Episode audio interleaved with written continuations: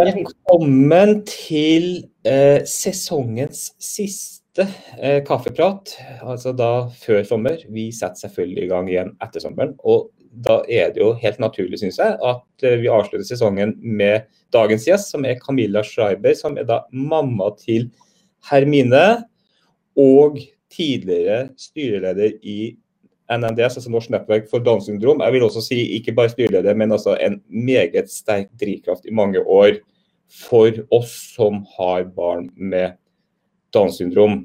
Og så må jeg også si velkommen, Camilla. Ja. Jeg må også si det at første gangen jeg møtte deg, det, det, det, det, hører jo til her, syns jeg. fordi første gangen jeg møtte deg, da var du jo i styret i, i, i NNDS. Men da traff vi deg som foreldre til Milla på barselavdelinga altså på Haukeland, da vi fikk Milla.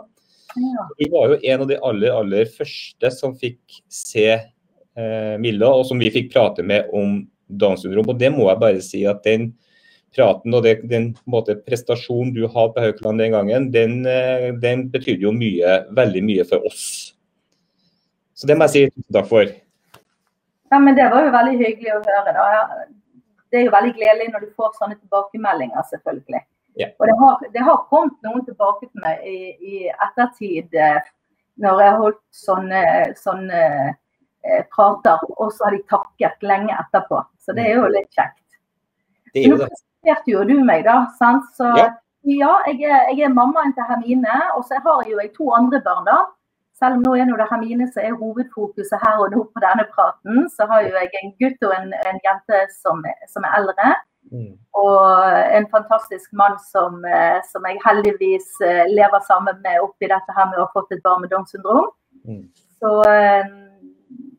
det er, det er jo litt sånn artig å, å sitte her nå og snakke om noe. tenke tenker litt av og til på det.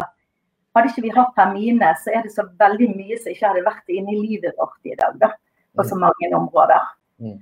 Så eh, ja, jeg vet ikke om du har lyst til å, at jeg skal fortelle litt kanskje i forhold til akkurat det med å Jo, altså jeg kunne tenkt meg å høre litt for du, Hermine er jo gammel nå, hun er tenåring. Hun er faktisk 15 år. Det er helt utrolig. 15 år, så du er jo altså jeg vil si du er en mamma med, med 15 års erfaring med et barn med Downs syndrom. Og jeg er jo litt nysgjerrig, for veldig mye har jo endret seg bare de siste årene. Men altså, bedre, det har helt sikkert endret seg veldig mye i forhold til de siste 15 årene. og da, da, da tenker jeg, altså, Hvordan var det når du, dere fikk Hermine? Hva, hva, hvordan opplevde dere det, og hvordan har verden eller tilværelsen vært fram til i dag? Det har jo vært en kjempeendring. Og det har vel vært litt av grunnen nå til at jeg gikk inn i bl.a. NMBS, for å kunne være med og gjøre tingene enda bedre for de som kommer etter oss. da. Eh, men det er klart, når Hermine ble født for, for 15 år siden, så jeg var jo bare på den ordinære ultralyden. Eh, så vi, vi, visste jo ikke at vi fikk et barn med Downs syndrom. Men, men, jeg hadde en eller annen merkelig følelse av det. Jeg hadde en intuisjon av en eller annen grunn at jeg kom til å få en jente med Downs syndrom. Så jeg slo opp litt i bøker. Og det var 15 år tilbake så var ikke internett utviklet på samme måte som nå. Nei. Det var med det, men vi var ikke helt der, altså. Eh, dette var i 2006, hun var født i januar. Så eh, på den obligatoriske ultralydtimen så fikk jeg beskjed om at hun lå litt dumt til, så jeg fikk ikke sett hjertet, så jeg måtte komme tilbake etter en uke. Og så var det det at hun tok til seg litt dårlig næring, og da måtte de settes opp hver tredje uke, og de måtte følge med. Og det er jo klart at Jeg stilte jo mye spørsmål der, men det var ingen som fortalte noe om Downs syndrom eller noe som helst. Men jeg kjente jo litt alvoret på det, og kanskje at hun skulle bli født for tidlig. Og jeg tenkte at jeg får en jente med Downs syndrom, og jeg sa det til mannen min og til to andre. Og de syntes jo selvfølgelig at jeg var helt sprø som kunne tenke sånn. Mm. Så, så når, når, den dagen kom at Hermine ble født, så var vel jeg egentlig mest i sjokk for at jeg hadde hatt rett. Mm. Eh, sant? Mm. Og synes jeg at det var veldig rart at under, under, fødselen så kom hun her som var ansvarlig for ultralyden, som ikke hadde noe som helst på føden å gjøre. At hun kom inn var jeg sånn, tenkte ok, her er det jo et eller annet. altså Det var jo noe de visste som ikke jeg eh, var blitt informert om. Mm. Um, og så husker jeg det at når Hermine kom ut, så først jeg tenkte det var egentlig det at ja, ja, det ser vi har fått en liten kineser. For hun så liksom ut på øynene. Ja. Og ser jo jeg han trygge mannen min som var ved siden av, holdt på å besvime og falle av stolen. med en sånn ekstrem reaksjon på han. da. Eh, og så var jo alt veldig rart kaotisk inne på, på rommet. Og jeg husker jeg syntes det var så rart at de brukte så lang tid med å veie og med å måle. og jeg tenkte hvorfor gjorde ikke de tingene sånn i samme rekkefølge som de gjorde med de to første. Mm. Og med en gang jeg fikk tid til å snakke med mannen min sånn alene, så var jo det at vi ble enige om at ja, jeg hadde rett. Vi, fikk, Mm. vi ser jo at han har Downs syndrom. Mm. Jeg husker det at de brukte så lang tid, og vi ventet på denne her barnelegen. Sant? De tar jo år og evigheter før de kommer. Så det er jo en pine for de som nettopp har fått barn med å, å ligge og vente på omtrent dommen da når, når legen skal komme og snakke med dem. Mm. Og da husker jeg det at uh, Dette har jeg vært helt ærlig på når jeg har holdt litt foredrag. Og at jeg husker jeg tenkte at for hva vet du? sant? Hva vet du egentlig om Downs syndrom? Der og da så gikk jo de tankene som alle har med at hva skjer med ferien min, hva skjer med jobb, Mm. hvordan blir det med fremover, og hvordan skal hun ha det? Skal hun gå på skole? Eh, Skal hun bo hjemme hos meg for alltid? Og så videre. Så jeg var jo uvitende, selv om jeg hadde lest det lille i forkant som, som sto i bøkene. Mm. Så da tenkte jeg faktisk det at hvis Hermine skal dø, så håper jeg at hun dør nå. Det var mens var på å jobbe med henne. Og det var litt fordi at jeg tenkte at jeg orker ikke to sorger. Nei. For der og da så var jo jeg, eh, var jo jeg veldig satt ut av situasjonen. Mm. Så jeg tenkte det at skal det gå gale, så håper jeg egentlig at det går gale her og nå. Sånn at jeg ikke får den etterpå. Mm. Men så når du fikk henne til deg og, og dette her, eh, så må jeg si det at altså, denne morskjærligheten, den var der med en gang fra første sekund. Og mannen min sa da, han hadde sjokk med en gang. Etter noen timer så sier han men Camilla, er dette noe vi kan gjøre noe med? Så sier han nei, det er jo ikke det. Nei. Og da, da gjør vi det beste ut av det. Mm. Og da var han ferdig med det. Mm. Jeg brukte litt lengre tid, og det var fordi at vi var på bort og sjekket eh, hjertet. Mm. Og det viste seg at hun hadde, hadde hjertefeil. Og da gikk det litt mer i krus for meg, for da var jeg tilbake på den skal vi mest henne. Sant? Altså, skal vi beholde lån, eller, eller skal vi miste henne igjen? Ja. Så var jo det litt sånn, de, Disse her rundt deg på, på KK òg, de var jo helt fantastiske. Kom og serverte oss hva det enn skulle være. Men du følte jo litt at du ble plassert inn litt på lukket avdeling. da, Så jeg fikk jo enerom og eget bad og alt. og liksom Helt sånn skjøvet fra alle de andre. Mm. Men, eh, og det husker jeg var veldig rart når vi skulle inn til, til, eh, til denne barnelegen, og alle sto på rekke og rad med barna sine og skulle inn og få denne kontrollen etterpå. Og da lå hun i kuvøse, for hun hadde, eh, hun hadde gullsot. Og så eh, tenkte jeg det at det er jo veldig rart. Ser alle her at hun har Downs syndrom? sant? Det var jo det tankene. Men det var så mye rart som skjedde oppi hodet. Og Da kom òg min mor eh, tilbake, for de hadde vært på besøk dagen før. Og Da sier hun det sa Camilla, jeg glemte å se i går om du hadde den morsfølelsen på barnet ditt. Mm. Det gledet hun så gledet så veldig å se at den var faktisk eh, virkelig, var virkelig der. Og Det er jo sånn som ikke alltid er en selvfølge, uansett om du har barn med Downs syndrom eller om du har et annet. Så det er jo jeg òg glad for. da. Men når hun da skulle bort og få den hjertefeilen, eh, diagnosen, sant? hun har ABSD, så eh, da eh, syns jeg det ble litt tøft igjen. Mm. Fikk jeg litt mer forklaring på det, og ting gikk greit. Hun ble operert da hun var ett og et halvt år, og ingen problem i dag. Hun går ikke på hjertemedisin eller noe. Men det er jo helt klart at da hun var født der, så var det vel gjerne mannen min som måtte ta den der tøffe delen da, med å gå ut på gangen og ringe til folk. For jeg sa jeg orket ikke å forholde meg til det. Nei. Det var liksom det der å måtte snakke med folk eller treffe folk, det, det var det som jeg syntes var tøft. Eh, og Så lenge jeg var alene med henne, så var det ingen problem. For hun var jo kjempeglad i, og, og, og dette skulle jo vi klare, og skulle ikke være et problem. Men å forholde meg til verden utenfor, det syns jeg er vanskelig. Og det tror jeg er typisk for ganske mange Mm. eh, som, som får disse barna. Mm. Så har jeg vært ute og informere alle da. Og da husker jeg det at jeg sa til henne at informer alle naboer og alt, sånn at når jeg kommer hjem, så slipper jeg å måtte ta og fortelle alle at de har fått et barndomssyndrom. De Mm. vet det. Mm. Så jeg var veldig opptatt av når vi kom hjem og det å gå ut på tur og, og at på en måte være veldig åpen om det. da. Mm. Um, og så var vi så heldige òg, eller at eh, når Hermine var et par uker gammel, så fikk jeg vite at en, en eh, bekjent av meg òg hadde fått et barn med Downs syndrom. Mm. Sånn at de inviterte de hjem til oss. Mm. Eh, og de er faktisk noen av våre aller nærmeste venner i dag. Ja. Sånn at det, det har jo kommet veldig mye fint ut av dette her, da. Men det er jo klart, det som du sier med endringer som har vært eh, altså Da Hermine var, var ca. et halvt år, så gikk jeg inn i Ups og Downs eh, Og Mm. det var jo litt fordi at det eksisterte da, men det var jo mest sommerfest og julefest. Mm. Og Da syntes jeg det var greit å få plass litt mer. Og da tok jeg kontakt med denne her Pysa om åpen hall, og så fikk vi det på. Og det har jo vært en suksess. Den, eh, det eksisterer jo i dag og det virker. Nå har ikke jeg vært der for lenge, da. Det virker som det er mest de som har ganske små barn, men det er et treffsted der de kan eh, komme sammen og de kan spørre de andre foreldrene om ting du lurer på. Mm. Det er nå dessverre ikke sånn at du har gjerne én fagperson du kan ringe til til enhver tid og spørre. Nei. Eh, Den gangen så var jo habiliteringen på Vestlund i Fyllingsdalen, som du kjenner til. Mm. Um, og da kom jo vi inn i en gruppe eh, da Hermine var liten. Men jeg husker jo at det var jeg som ringte til helsesøster og spurte om jeg skulle inn. Det var jeg som tok de første kontaktene. Mm.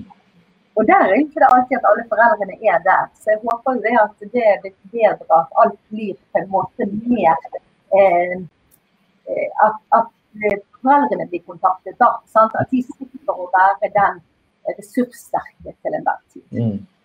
Eh, og så kom vi inn i en gruppe, og der var jo det det du hadde av eh, hjelp både med psykolog og med Spesped osv. Men det var jo enkelte jeg tenkte at eh, hva er det du egentlig kan hjelpe meg med? Vi følte at mye ble liksom sånn klapp, klapp og snakke, da. Men samtidig så var jo det viktigste for oss det å treffe andre som var i samme situasjon. Og Mm. kanskje det var vel så viktig som det å treffe disse fagpersonene. jeg. Mm. Eh, jeg jeg syns det det er litt trist at habiliteringen slipper litt taket, i hvert fall i Bergen i år. Eh, da det er ansvarsgruppemøter og det er andre ting som kommer inn i bildet. Men de tingene er jo så varierende rundt i landet. Mm. Eh, og så eh, engasjerte jeg meg eh, en del Jeg hører det klikker litt hos deg. Er det Hører alle lytterne det, eller? Ja, alle hører at det er bare noe pling som kommer om av og til her. Ja, det går sikkert bra. Nei, så arrangerte vi landskonferansen, da, som vi Mm. syntes var veldig viktig. Og eh, det var i 2010. Eh, så da var jo vi, eh, var jo vi flere i styret. Eh, og så opprettet vi Facebook-side, for det var jo ikke den gangen. Og vi fikk opp en eh, nettside på Øpsedons Hordaland, og et infomateriell laget vi. Og det er hun Nina Skauge som Skauge Forlag har hjulpet oss med. Hun har jo masse flotte bøker, både som sjøl har vært i regi av disse eh, Tigergjengen, som nå er en, en eh, greie bøker på Hermine nå når hun er blitt ungdom, bl.a. Eh, men mange andre òg. Og hun sto jo da i bresjen på landskonferansen, det må jeg ærlig talt si. Nå var det vi en del andre år som var med der, men det var vel hun som tok den største jobben. Mm. Eh, og da vi var ferdig med landskonferansen, så var det veldig viktig for oss å få oppsummert både det økonomiske, men òg eh, hvilken feil vi så vi hadde gjort, og tips til, til eh, neste konferanse osv. Og da ble det en greie at det skulle videreføres til neste landskonferanse, sånn at det skulle bli bedre og bedre for de neste. Mm. Eh, så i forbindelse med at jeg eh, gikk inn i, eller gikk inn i styret for, eh, for den landskonferansen da, og var med å arrangere det, så ble jeg forespurt om jeg var interessert i å gå inn i styret til Norsk nettverk for Downs syndrom. Ja. Og da hadde jeg vært på én landskonferanse i Stavanger eh, tidligere. Dette var i 2010, og Hermine er født i, i 2006. Sant? Så i 2008 var vi i Stavanger, og så var dette i 2010. Så jeg følte vel kanskje at jeg var på litt usikker grunn, men jeg syns det var så viktig. Og da valgte vi på den landskonferansen å ha tema med å vende et blikk utover. Så vi hadde en del internasjonale gjester, sånn at vi òg kunne eh, få til de nordiske landene, men vi hadde jo òg fra USA bl.a. Mm. Så eh, da gikk jeg inn på i årsmøtet til NRS, så gikk jeg inn da i, i det styret. Da gikk jo jeg inn som, eh, som nestleder. Det var vel Lars Langsrud som var eh, Han er jo i valgkomiteen nå. Da var det han som var styreleder helt i starten. Og så har vi Anne Grete Eine, da, som eh, var leder for fagrådet, som vi syns var viktig å få eh, enda bedre på plass. Og hun var jo òg ny i oppstarten av NLS den gangen det startet opp i 2000. Eh, jeg vet at hun er gått ut av styret nå, men hun har jo egentlig vært med i, eh, i de 20 årene. Da, for å si det. sånn. Ja. Eh, hun jobber på habilitering på Hamar. Og så var det Lars Erik Brustad, da, Lasse, som eh, Han døde av kreft for noen år siden. Så han var vel den jeg hadde mest kontakt med, og som etter hvert ble veldig en sånn litt sånn mentor for meg. Og har eh, eh, hjulpet meg en del i det arbeidet som jeg har gjort i NNDS. Mm, mm. Eh, og han var en drivende dyktig fyr og eh, hadde masse eh, engasjement og flotte ting han eh, satte i gang, trass i at han var blitt pensjonist og kunne egentlig eh, leve i noen gode dager. Så Mm. gjorde han veldig mye bra, da. Eh, og så har vi Bjørn Næss som var på økonomi, og eh, ja, så hadde vi noen som var inne i valgkomiteen. Så da startet vi opp, og så etter hvert så fikk vi òg inn en som heter Ina Pettersen og Randi Dolven og Kjell Vestnes, som nå fremdeles er i NRDS. Og så fikk vi inn Karianne Abrahamsen som daglig leder eh, etter noen år, for det ble veldig mye arbeid så vi etter hvert. Så da lyste vi ut stilling etter daglig leder. Og etter eh, mange søknader og mange intervjurunder, så var det helt klart Karianne som var beste beste kandidaten med den drivkraften og det engasjementet og det kontaktnettverket osv. Som, som hun har. Så eh, hun har gjort en formidabel jobb i den, eh, i den stillingen som hun satt der. Og så var det òg veldig viktig for oss å ta inn en med, med Downs syndrom. Mm. Så eh, Marte Wexelsen Goksør, som kanskje ganske mange kjenner til etter hvert, det var hun som var på Stortinget med Mm. T-skjorten med utrydningstruet og har skrevet flere bøker bl.a. Hun eh, tok vi også med inn i styret. Og Grunnen til det var det er greit at vi sitter her og tror at vi kan og vet hva som er til det beste for våre barn, men eh, det kan jo være litt greit å spørre dem da, om, om vi faktisk har rett. Mm. Så hun, eh, hun har også vært en veldig god støtte inn i NRDS i de årene som jeg var der. Eh, Så da jeg gikk inn i NRDS, så var jo det en veldig dårlig økonomi. Det var nesten ingen medlemmer. Hovedfokuset den gangen, det var jo da selvfølgelig å få skaffet medlemmer, få skaffet midler. Eh, Vi fikk opprettet en Facebook-side som har blitt en kjempesuksess. Sant? Med flere grupper og grupper her og der som ble opprettet, og et veldig bra nettverk der. Og så eh, lagde vi òg en brosjyre, eh, en infobrosjyre i NNS, Mm. som vi formidlet til alle fødeavdelingene rundt i landet. Der vi fulgte opp med telefon og fortalte de da eh, om at vi ønsket samarbeid for at det skulle bli enda bedre for de som, eh, som var fødende. Ja, altså den, den, den brosjyren, Jeg skal gå tilbake til med Camilla, men Mm. den brosjyren husker jeg veldig godt. Eh, Mm. Ikke den brosjyren, men, eh, men eh, bare, bare, altså bare kalle det lille dere gjorde der, da. I det store bildet.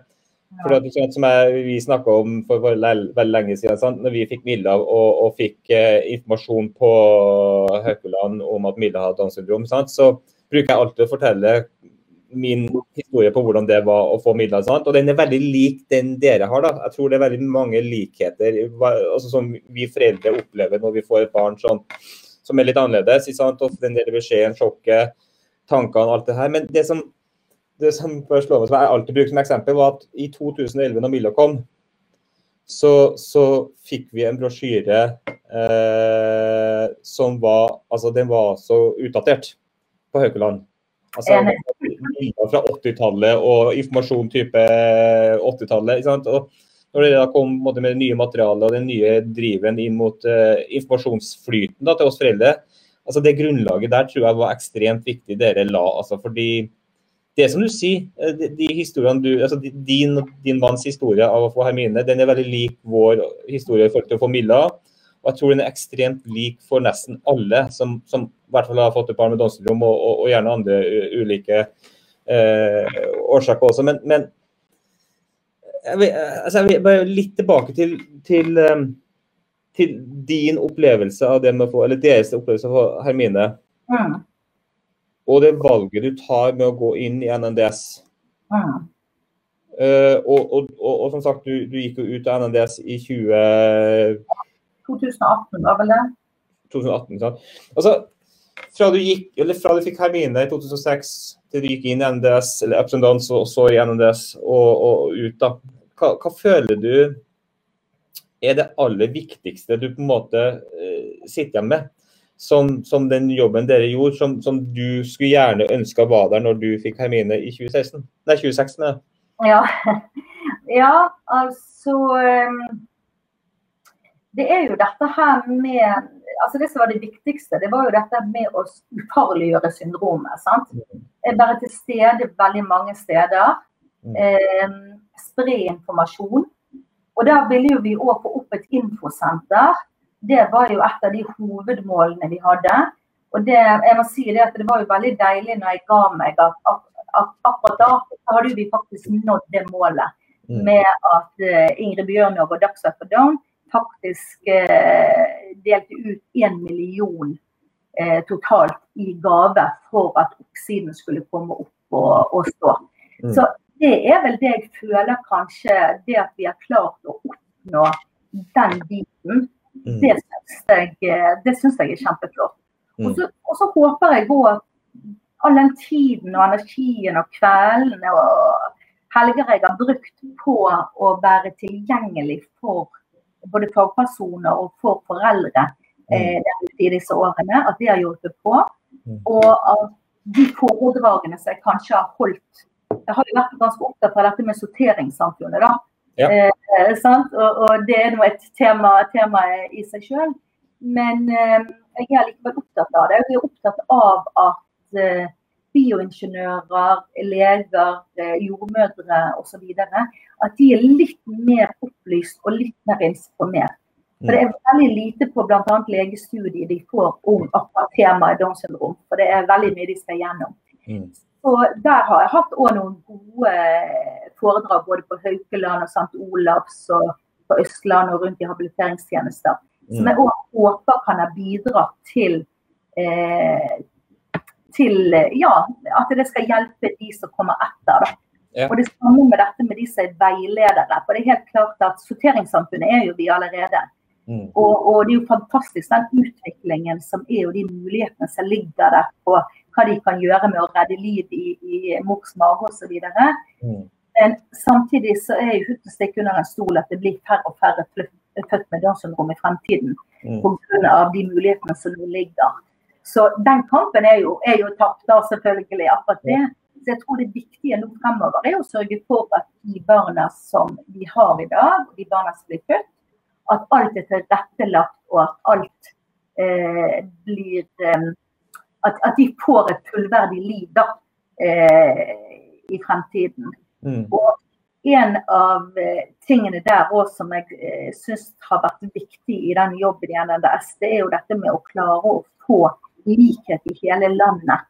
Mm. For, eh, for alt de skal bl.a. søke på vedtekter osv. osv. For det kan være en jungel når du nettopp har fått et barn med Downs syndrom. Mm. Og jeg husker jo selv når jeg fikk Hermine, helt i starten. Jeg brukte mm. altfor mye tid og energi på å finne ut hva jeg skulle gjøre og være i forkant og passe på at hun hadde alt hun skulle. Mm. Istedenfor bare å konsentrere meg om å være en mor for Hermine og bare glede meg over den tiden som vi, vi hadde sammen. Og, og, det var viktig for meg, da. Å prøve å hjelpe andre til å forstå at eh, her er det dere trenger å tenke på, det dere trenger å forholde dere til. Og så kos dere med det barnet dere har fått.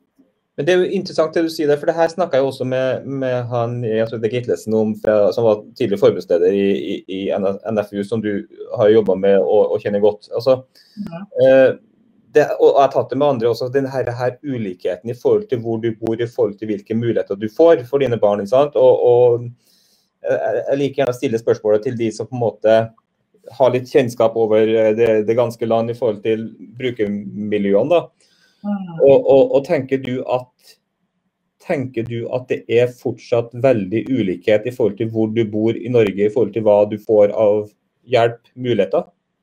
Dessverre. Mm. Det, det, det, er jo ikke bare i fylker og byer, men det er også til og med fra bydel til bydel bare i Oslo. Mm. Eh, sånn, så er det ulike praksiser rundt i landet. da. Og Det er jo da på vedtak rundt bl.a. spesialpedagogtimer, sant? logoped osv. Eh, selv så har jo vi søkt Helfo om støtte til logoped på Hermine nå på, på ungdomsskolen. Mm. Pga. at det finnes ikke nok eh, logopeder for dem. Men det var jo ikke godt nok for meg at ikke de kunne skaffe det. Sant? Sånn at Da måtte jo de bare oppdrive en privat, tenker jeg. Og da søkte vi midler til Helfo. Eh, men det er store variasjoner der, der ute, altså. Og um, dette er jo en del av det som også det gamle styret var veldig, veldig opptatt av. Mm. En, en annen ting òg også er jo dette her med utdanning og tilrettelegging for å komme seg ut i arbeid. sant? Fordi at eh, Vi har jo hele spekteret fra før barnet er født til barnet er født. Barnehage, komme seg inn i skole, det helsemessige rundt barnet. Mm.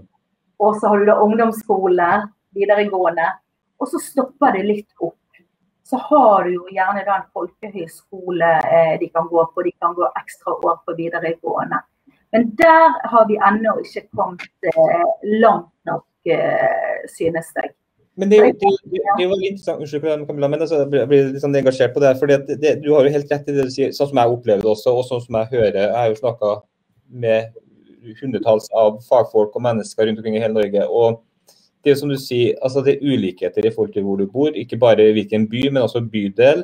Det er som du sier i forhold til eh, skolegang, overganger, voksenliv, jobb, bolig. Altså Alle disse tematikkene. Disse essensielle behovene som alle mennesker på en måte skal ha dekka.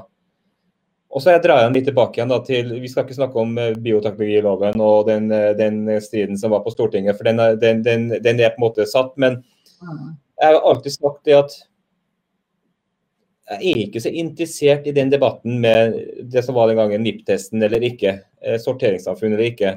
Jeg er opptatt av hvordan kan vi gjøre det, som du så fint sa i stad. Altså, hvordan kan vi gjøre tilværelsen eh, 100% optimal for de familiene og barna som sitter der, da. Og når du da med din erfaring fra nasjonalt og som mor eh, sitter med den erfaringa som jeg føler, altså det er ulikheter hvor du bor, det jobbes ikke for videre utdanning, jobb, muligheter for våre barn. Eh, da, da føler jeg at liksom det, det, er jo ikke, det er jo ikke Downs syndrom politikerne er opptatt av. De er bare opptatt av å si det vi og bare få bort et problem. da. Og så bare, bare stue resten bort i, i, i en krok. Litt stygt sagt selvfølgelig, og veldig satt på spissen, da, for jeg vet jo det jobbes veldig godt i fagmiljøene, ikke det, men hvorfor også, Du fikk Hermine 26, vi fikk Milla 2011. I dag er vi 2021. Og jeg føler at de essensielle tingene de har egentlig ikke endra seg i stor grad. Nei, altså vi har jo altså Du har jo Sor Sov og Jarl Eknes. Altså, han har jo gjort en øh, kjempejobb med, med Helt med-prosjektet. Mm. Eh, og dette, jeg satt jo helt i oppstarten der òg, eh, i forhold til om NNDS skulle samarbeide. Mm. Eh, men så er jo, og de, de har jo òg fått eh, statlige midler til opprettelse av stilling eh, i Nav da, til å Mm. jobbe med dette. Men så er jo det det at her kan jo òg alle andre utviklingshemmede få søke sant, og gå på intervju. Og da er det dessverre sånn at de med Downs syndrom ikke alltid strekker til. Fordi at det er andre som, eh, som er enda mer velfungerende enn de. Mm. Vi har jo en del gode historier. Vi har jo Emilie her i, i, i- i Stavanger da, som, eh, som jobber på et hotell og gjør det, gjør det veldig bra. Mm. Men det, og dette var jo òg en av fanesakene til, eh, til Lasse. Dette her med å få opp eh, eh, gjerne et arbeidsformidlingssenter. Og Mm. gjerne få på plass eh, noe samarbeid der. Og vi var i utallige møter rundt omkring, og det var ikke enkelt å, å, å få det til. Utlandet har eh, fått det mye bedre til enn det vi har gjort i Norge. Og så tenker jeg det at det er jo faktisk altfor dyrt for samfunnet å, og, ikke benytte seg av de ressursene som faktisk ligger i, eh, i disse menneskene. Mm. Altså, å se litt på det samfunnsøkonomiske i det her, det tror jeg kunne vært, eh, kunne vært smart. Istedenfor at de bare skal gå på trygd, så er det ganske mye de kan eh, bistå med. De kunne jo ha gått inn i jobb der de igjen delvis hadde vært på trygd, delvis hadde vært lønnet. Og jeg tenker det at Her burde jo politikerne gått inn og kanskje fått til litt mer samarbeid med habiliteringstjenestene bl.a. Så, ja. Jeg skal tenke, Når du satt i NNDS, mm. ganske dypt i det, og jobba jo med politikere, sant? og du jobba jo med, med, de store samfunnsaktørene. Mm. Er, det en, er det en uvilje, eller er det en mangel på forståelse kunnskap som gjør at det som du sier som jeg mener er, burde være helt selvsagt, eh, ikke er gjennomført? Altså, jeg tror, jeg tror det er både og. Altså, det er vel eh, sant, sånn som NNS og alle andre ting. Grunnen til at jeg gikk inn der, det var jo fordi jeg selv var mor. Du må jo kanskje ha eh, du må ha ofte en personlig grunn for at du orker å gjøre noe spesielt med det. Og hva som ligger hos politikerne, det er ikke godt å si. altså. Noen er jo villige til å jobbe med det, men så blir de nedstemt av andre. Så det, det, ikke, det, holder jo ikke at det er et par politikere som, eh, som ønsker å få noe igjennom. Dessverre. Så eh, jeg kan jo se på eksempel, Vi har jo hun Marte da, som, eh, som var i styret. Hun har jo virkelig hatt et brennende ønske om å bli skuespiller. Mm. Eh, men altså, hun får jo ikke engang stille på audition. Hun, kom, at, hun, kommer ikke inn på noe innen teaterfag. Hun har sannsynligvis ikke nok kognitive evner til å kunne få lov til det. Mm. Hun hadde jo vært en kjemperessurs hvis vi hadde bare kunnet få brukt henne på, på, rette måten. Nå mm. skal det sies at hun har skrevet bøker og, og satt opp sine egne teaterstykker og gjort tingene med suksess sammen med en del kjente skuespillere i Norge. Så uh, hun, jo, hun, har jo en drivkraft i seg sjøl. Men det er ikke godt nok uh, det er ikke godt nok akkurat det som går på jobb. Jeg, jo, jeg, vil, jeg, vil, ikke gå helt inn på det, men nå er det noen år siden jeg gikk ut av NNDS. Så jeg trengte kanskje en liten pause. Men nå har jeg begynt å jobbe litt med noen tanker oppi hodet mitt igjen. Mm. Så jeg har vel noe litt sånn på gang der som jeg har lyst til å gjøre eh, når det går på, på, arbeid og inkludering for vår gruppe. da. Ja. For dette Helt med-prosjektet som sagt, det er ikke bare for de med Downs syndrom, men ja. det er der jeg har lyst til å se litt videre på hvordan vi kan gjøre det. Men jeg har ikke lyst til å gå mer i dybden på hva jeg tenker der. Men, men, noen må jo gjøre det som jeg sier. Og så er jo det helt klart at uh, da Hermine var nyfødt, så er jo du i den fasen, og så har du fasen etter hvert. Jeg velger å tro at jeg var flink til å se alt da jeg satt i styret, selv om jeg hadde et, et barn som var mindre. Sant? Så skal jeg se alle. Eh, men nå er jo hun kommet opp der at det blir kanskje enda viktigere for meg å se på fremtiden hennes når det gjelder da det som går på skole, sant? utdannelse og jobb og bolig osv. Og, så videre, og hva vi kan gjøre. Mm. Og eh, jeg tror nok det at uh, det må bli mer synlighet, og vi er nødt til å stå enda litt mer uh, på, sånn at vi blir, uh, blir, sett av politikerne der ute. da. Og igjen, vi tar an. SOR har fått det til med Helt med-prosjektet, og da går det an å få til andre ting. Da. Ja, jeg tenker det er veldig bra. Og, og jeg, jeg, tenker jo litt um, jeg snakka bl.a. med min Camilla her om det forleden. Altså, vi, ser, vi føler og ser at det er noe som skjer i forhold til nye foreldre som kommer til med barn. Og det er ganske unge foreldre med masse pågangsmot. Og det er litt sånn som du sier det her med, med du må gjerne ha en egeninteresse for å på en måte noen drar deg framover. For du får ikke hjelp fra politiske hold, og, du får ikke, og systemet er ikke tilrettelagt for individer. Det er tilrettelagt for grupper, ja, men da er det da er jo alle i én gruppe. og Inni der så er det veldig mange individer. Uh, og jeg synes det er ufattelig spennende det som skjer i forhold til de barns altså første årene.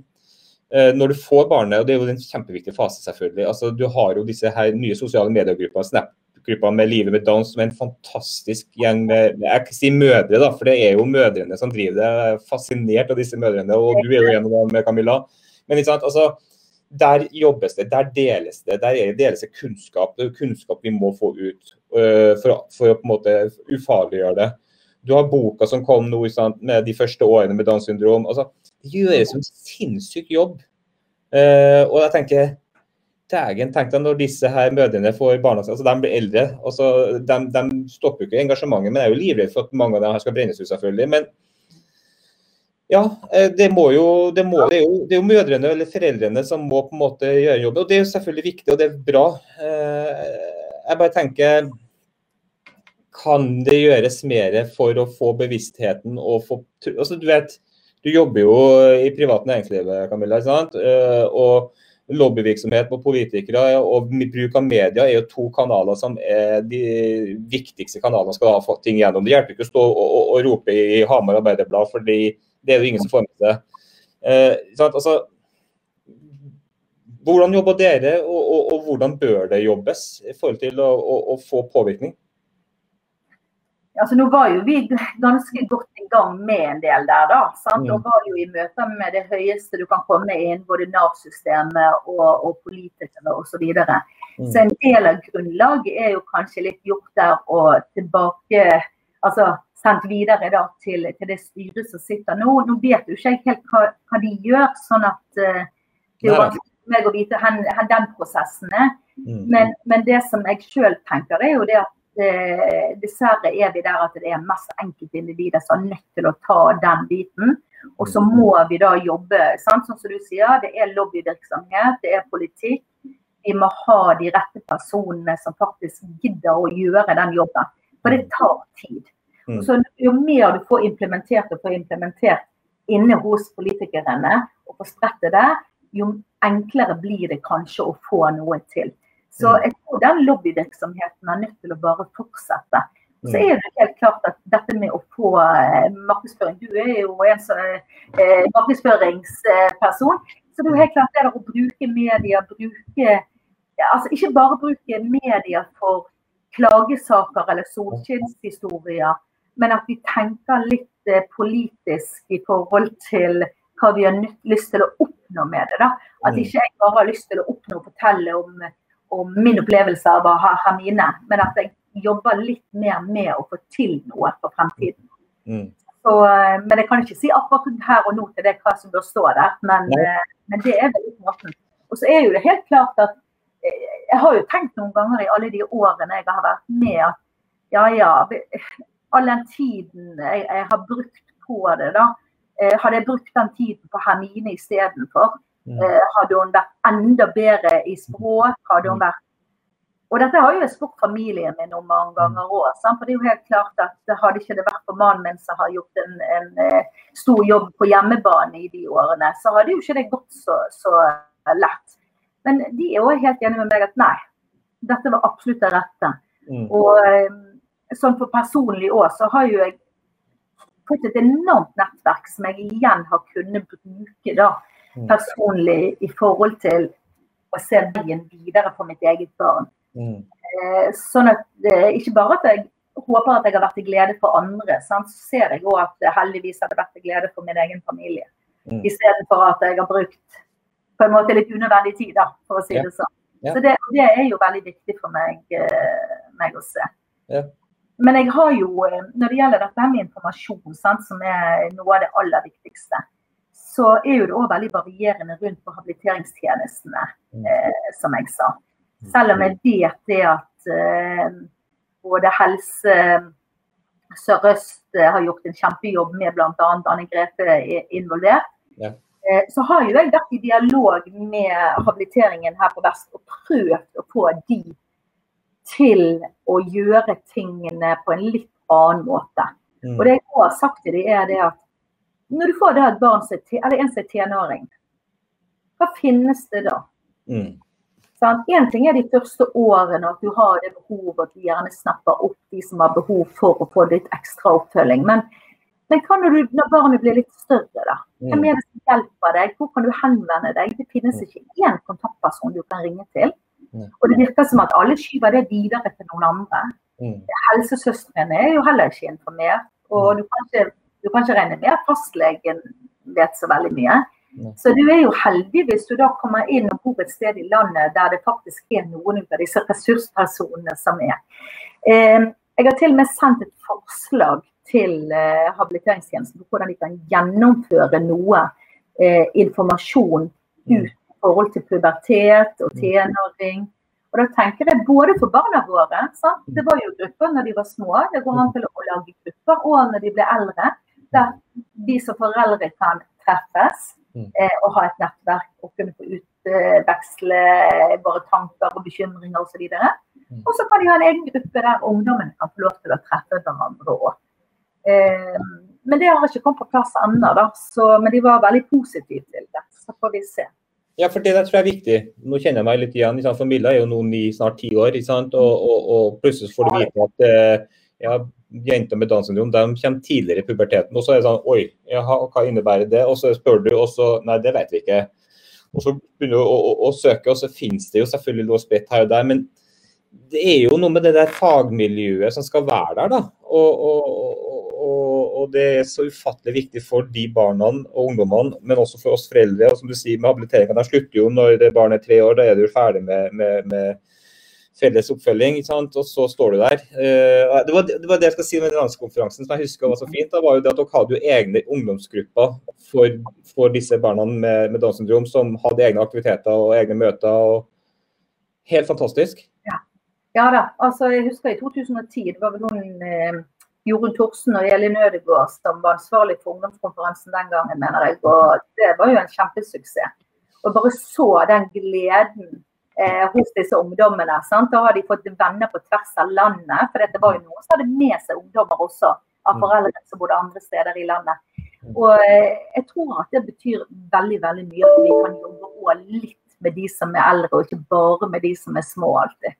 Så det er jeg enig i. Også dette med lønnskonferansen. Sant? Som, nå sitter vi her på skjerm, og kjempekoselig det er, Alexander. Men det er jo helt klart det der å treffes ansikt til ansikt av og til. Og kunne, kunne treffe andre foreldre, kunne mm. høre fagpersoner der du òg har muligheten til å kunne stille spørsmål. Mm. Eh, jeg tror det er veldig viktig. Mm. Så jeg krysser fingrene for at, eh, at landskonferansene fortsetter fremover, altså. Og jeg tror det det er viktig både for de som har, har små barn, men òg de som har større barn. Nettopp pga. det som du sier, at det finnes lite nettverk for den gruppen. da. Ja, og det er jo ikke en stor gruppe heller. Så, ideelt sett så skulle vi klart å samle alle. sant? Men det var jo, jeg husker jo bare sånn digresjon, jeg bare husker jo den gangen det var landskonferansen. Jeg var jo der. Eh, og, og det store tematikken var jo det å få dekket reisen. For folk bor jo spredt. Noen bor jo helt eh, lengst nord i Finnmark. Svindyrt skal reise til, eh, til, til Oslo med hele familien gjerne. For du vil jo gjerne ha med hele familien. Og så er det jo da var det jo en tematikk på hvem er det som får det dekket. Så var det pinadø noen som fikk det dekket i sine kommuner, og så var det noen som ikke fikk det. Og, og, og ja. der, der har du det igjen, ikke sant? Ja. Der har jo du akkurat det som du sier. sant? Hvorfor skal det være sånne forskjeller? Der var jo vi òg i gang med, med, et arbeid, så jeg regner med at det styret som sitter nå, sikkert jobber med mm. den biten. Men jeg kan ikke svare på hvor langt vi er kommet. da. Eh, vi gjorde jo vårt beste i forhold til hvordan vi kunne eh, legge de tingene til rette mm. for, eh, i forhold til pasientreiser. Mm. Så jeg håper at det, at det blir bedre fremover òg. For det er kjempeflott å få, eh, få det på skjerm. Sant? At du sitter med, med på Teams som sagt og ha foredrag. Men akkurat det der med de landskonferansene, det tror jeg er kjempeviktig at de jobber videre med. Ja, jeg tenker at nå når vi forhåpentligvis alle er fullvaksinerte og verden kanskje går tilbake til eh, noen prosent mindre Teams, som fortsatt er selvfølgelig en viktig kanal, så så skulle, håper jeg vi kan feire med en, en kjempestor landskonferanse for Downs syndrom, der vi alle møtes. fordi jeg tror det er, det er sultefòring der ute. Det er informasjon, kunnskap og, og historiedelinger. Absolutt.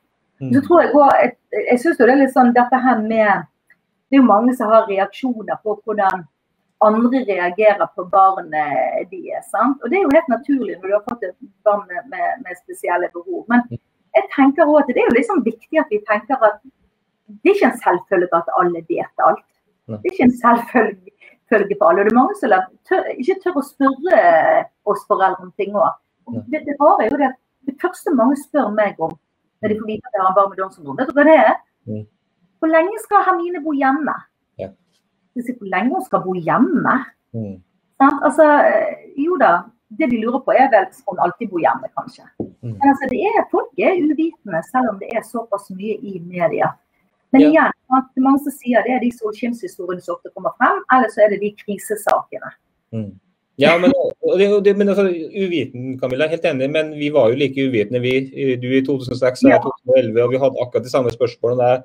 Det, det, det, var en av de tankene mine i desember 2011, var jo hvor lenge skal Milla bo hjemme? Ja. Den, jo, ja og, og, da kan du nesten si, da, Ja, nei, det kommer på kommunen det, hvor godt tilrettelagt de er for å sørge for at eh, Hermine eller Mina får, får sine rettmessige eh, behov dekka. Ja. Det er heldigvis blitt eh, mer og mer muligheter og privat til å kunne gjøre noe. Men igjen, det, har du ikke ressurssterke foreldre eller folk rundt deg, så er det ikke en selvfølge at ting blir ordnet heller. Og så er det jo typisk at politikerne kanskje lener seg på at det finnes ressurssterke foreldre som Mm. fikser. Så de trenger ikke å gjøre alt. Altså det, det, som, det som Milla Cess da, og Milla, som du sier, altså det, du, du møter ufattelig mange spennende mennesker når du tar posisjoner eh, i, i, slik som vi gjør. og uh, det, som, det som jeg har opplevd i løpet av de seks-syv årene, da, er jo, at, er jo det at det finnes ikke ressurssterke foreldre, men det er våre barn som gjør foreldre ufattelig ressurssterke. og Det, det er disse podkastene med andre gjester, andre foreldre også viser. altså som hun sa, hun, hun Ulrikke Tranberg som jeg hadde eh, i forrige sending, som har, to jenter med, med sjeldent syndrom. Altså 24 år, får et barn, aner ingenting. Men det er et eller annet engasjement som vekkes i henne. Jeg tror alle har det, men det er noe som må trigge det. Og jeg tror det å få barn med særskilte behov, det trigger Det gjør det. ja, en løvemamma eller en løvepappa. sant? Det sier det rart. For dette, Hermine sier alltid at jeg er løvemamma, og så er det løvepappa. Så han, hun har det fra det aner jeg ikke.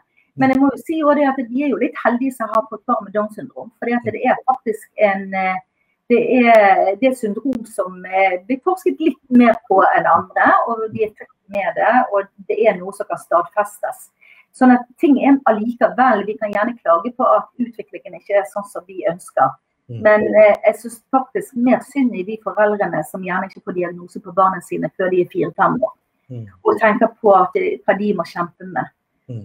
Og, og så syns jeg òg det at eh, jeg vil si De fagpersonene som vi har hatt rundt oss, hvor he- heldige vi har vært med de. altså. Ting har gått seg så greit til. Ja, jeg har måttet sjekke opp i ganske mye sjøl og legge til rette. Sende informasjon om hvilket materiell de bør bruke på skoler osv. osv. Men eh, det er noe med å velge de kampene, da. sant? Altså Skal vi velge alle kampene og klage på alt, eller skal vi eh, prøve å legge til rette og, og gjøre det som er det beste for barna våre? Mm. Sånn at Jeg tror nok ganske mange foreldre òg bruker mye energi på ting som de kanskje kunne fått andre til å hjelpe dem med. Og en av de tingene jeg lærte meg veldig raskt, det var få fagpersonen til å søke for deg. Har du behov for et hjelpemiddel, få fagperson til å skrive søknaden. Ikke gjør noe av det sjøl. Nei. Nei. Jeg er jo- enig. Det er, noe, det er veldig sjelden i disse podkastene jeg, tar på meg Milla Sessaten, da, Camilla. Men eh, dessverre så kan jeg si det at det er dessverre ikke så lett heller, da. Det, fordi, det, fordi det er det er bein, og, og, altså det er viktig å få fram disse her, som du sier, disse viktige fagpersonene som har et hjerte av gull og en energi uten like. altså De som er ute i felt der. Uh, men det er jaggu ikke enkelt å være de heller. for dem, Å være den frontkjemperen mot systemene som de også ser er, er feil. da. Eh, og, og ideelt sett så skulle vi, og det her snakka jeg med Gitlesen og det jeg med foreldre om, altså ideelt sett skulle vi ønske at hvorfor har ikke hver kommune ansatt folk som blir våre rådgivere, som tar, sånn som du sier, tar alle disse prosessene. Med søknader, med tilrettelegging. Å ja, du er så gammel, da trenger du logoped. Eller du skal, nå skal vi jo tenke på øh, skole, jobb, bolig. Mm. Sant? I stedet for at vi skal ta den kampen hver eneste gang. For det blir sånn. Det er jo økonomien rundt. sant? Kanskje det beste hadde vært at hvert barn som ble født med, var født med en fast sum, og så vil vi bruke de midlene til det som er til det beste for det ene barnet. For de Mm. barna er forskjellige. Istedenfor å tenke på hvor de bor.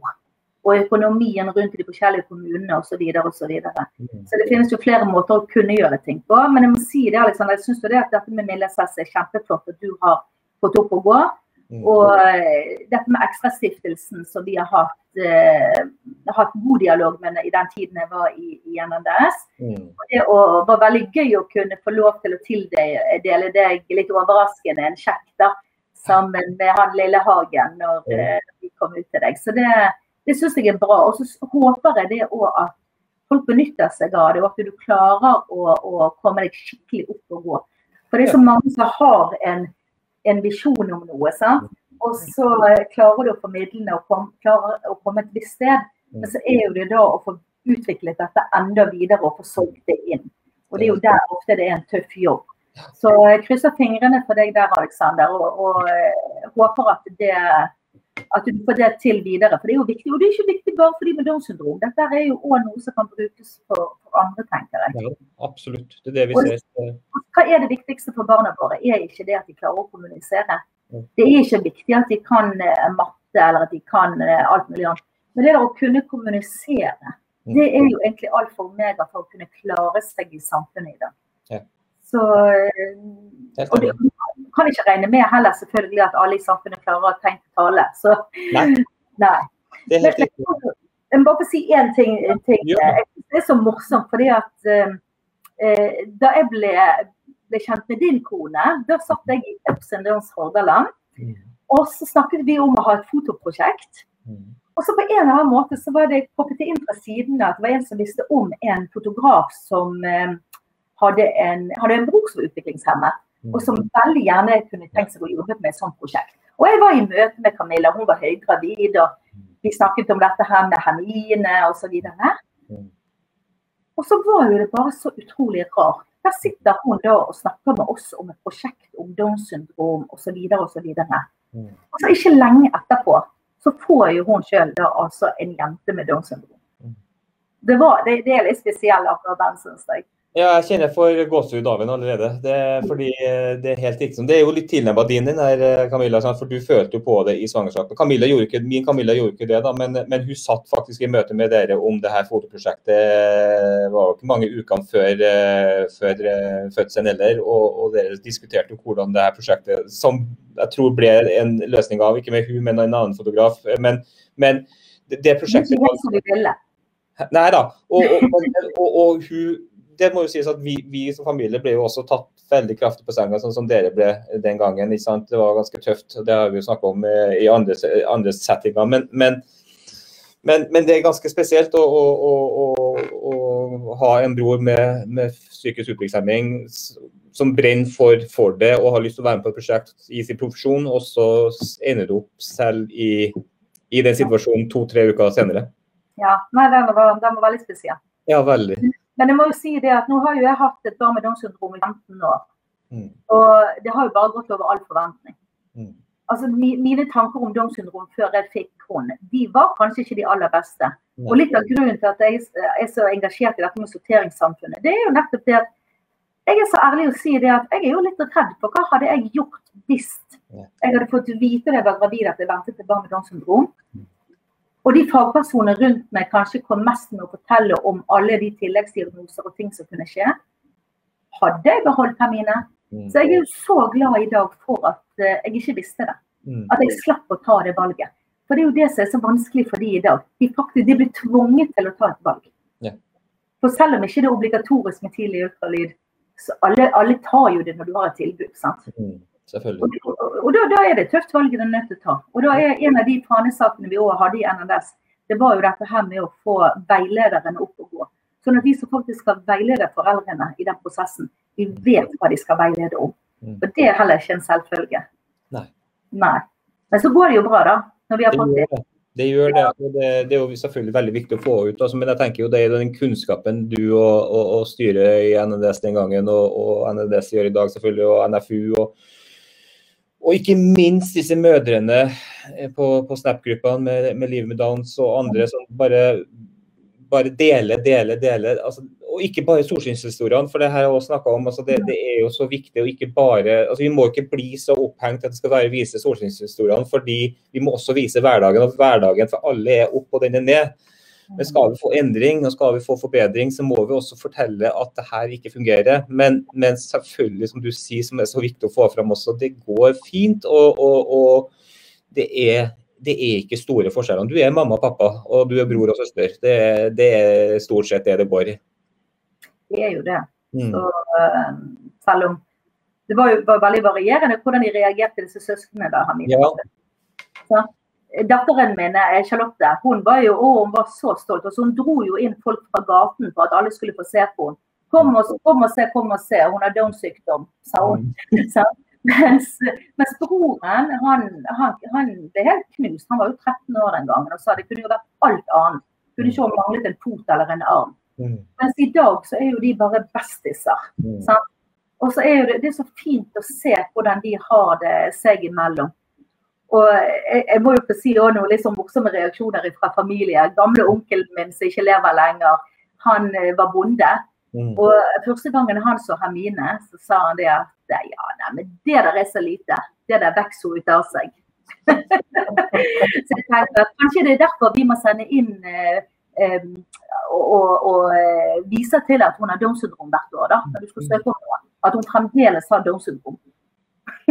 Det er faktisk, ja, ikke sant? For du har jo den nå.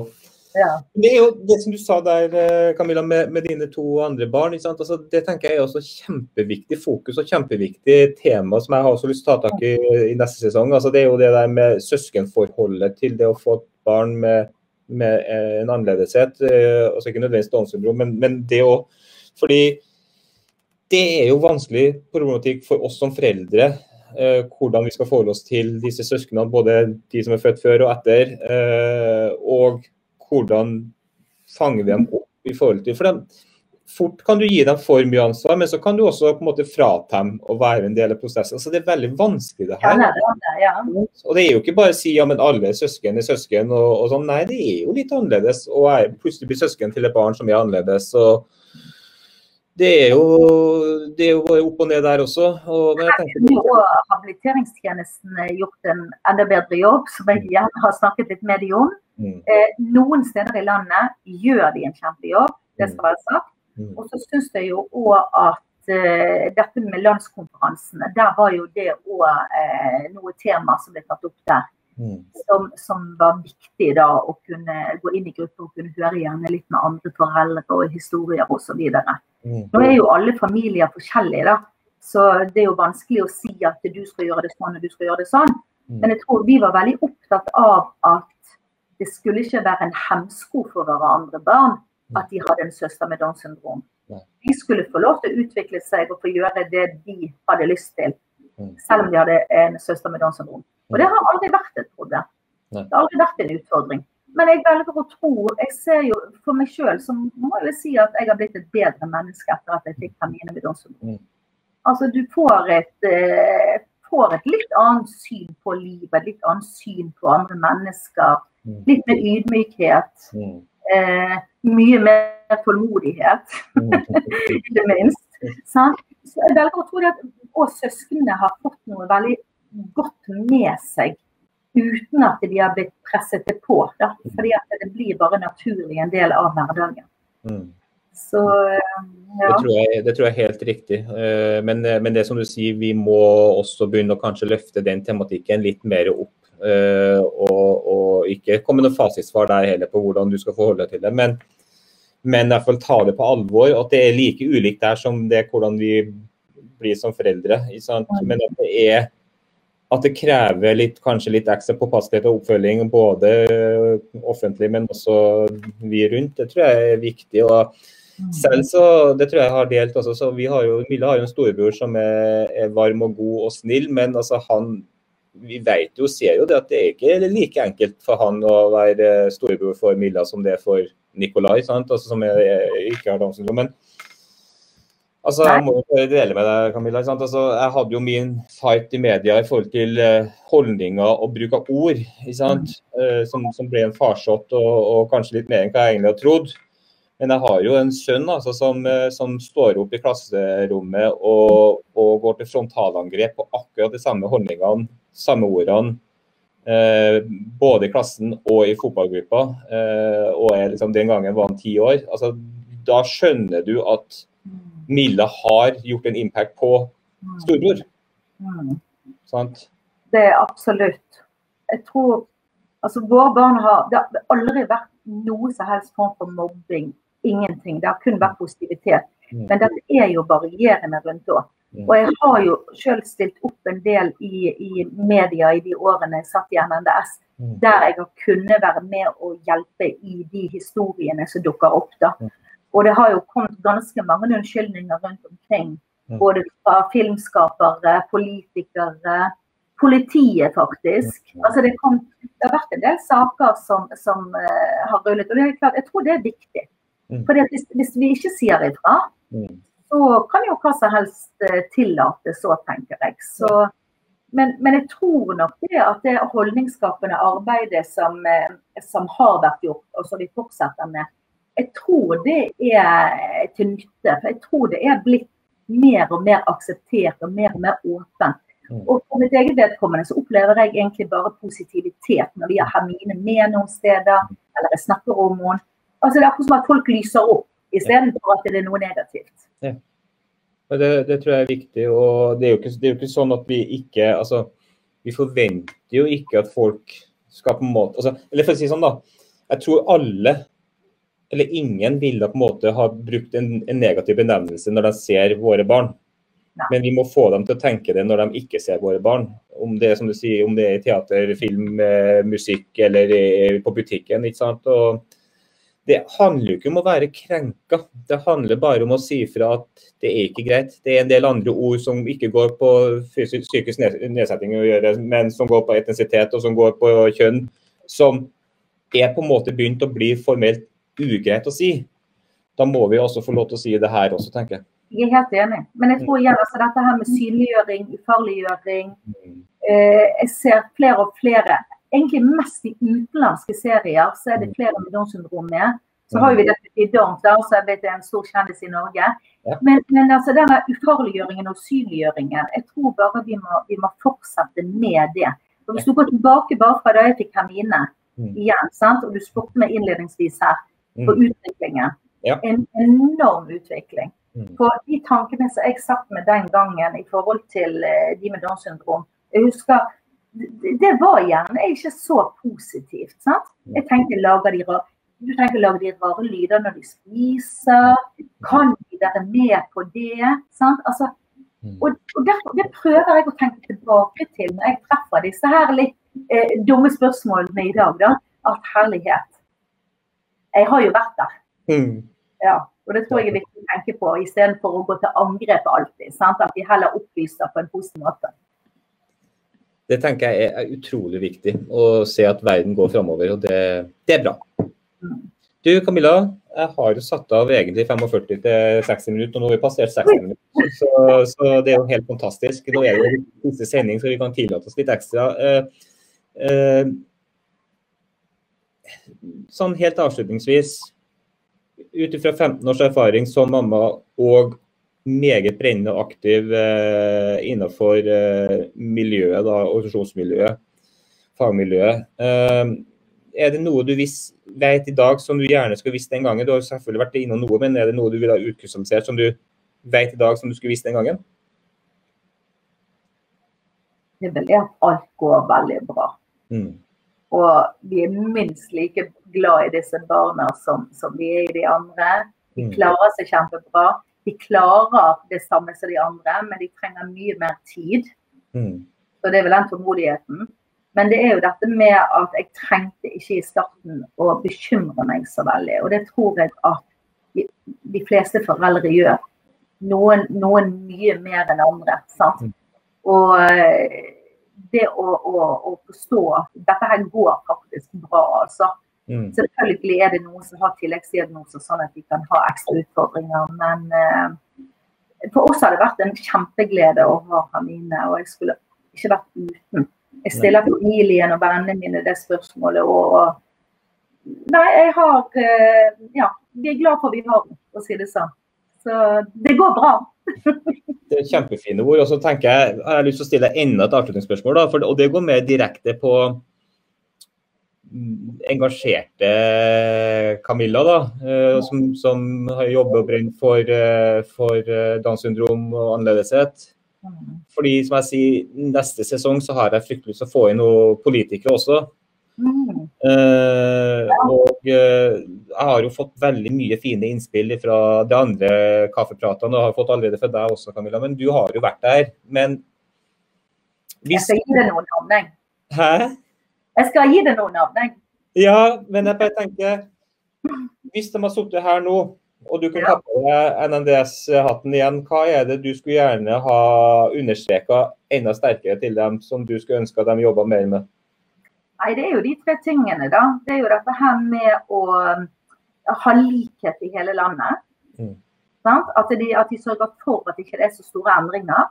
Mm. At det er lettere tilrettelagt for de som får barmedomssyndrom. med Sånn at de slipper å gruble over fremtiden. Mm. At de kan gjøre noe på en bedre måte der. Jeg trenger ikke gå inn på alt, jeg har mange tanker om hvordan ting kan gjøres. Men det er viktig. Og så tenker jeg òg dette med utdanning. Mm. Det er enkelte andre land som har klart å få inn på høyskolenivå eh, at, eh, at barna våre kan gå på høyskole. At de gjerne kan lære seg litt om samfunnet, litt om økonomi, lære seg litt om det som de trenger for å fungere i en voksenverden nå. Det tror jeg er veldig viktig. Og så tror jeg òg dette her med arbeid. At de skal være mye flinkere med arbeid. Mm. Så må vi selvfølgelig heller ikke glemme at det kommer noe senere år. De blir eldre. Mm. Så hvordan er voksenlivet deres osv. Så, videre.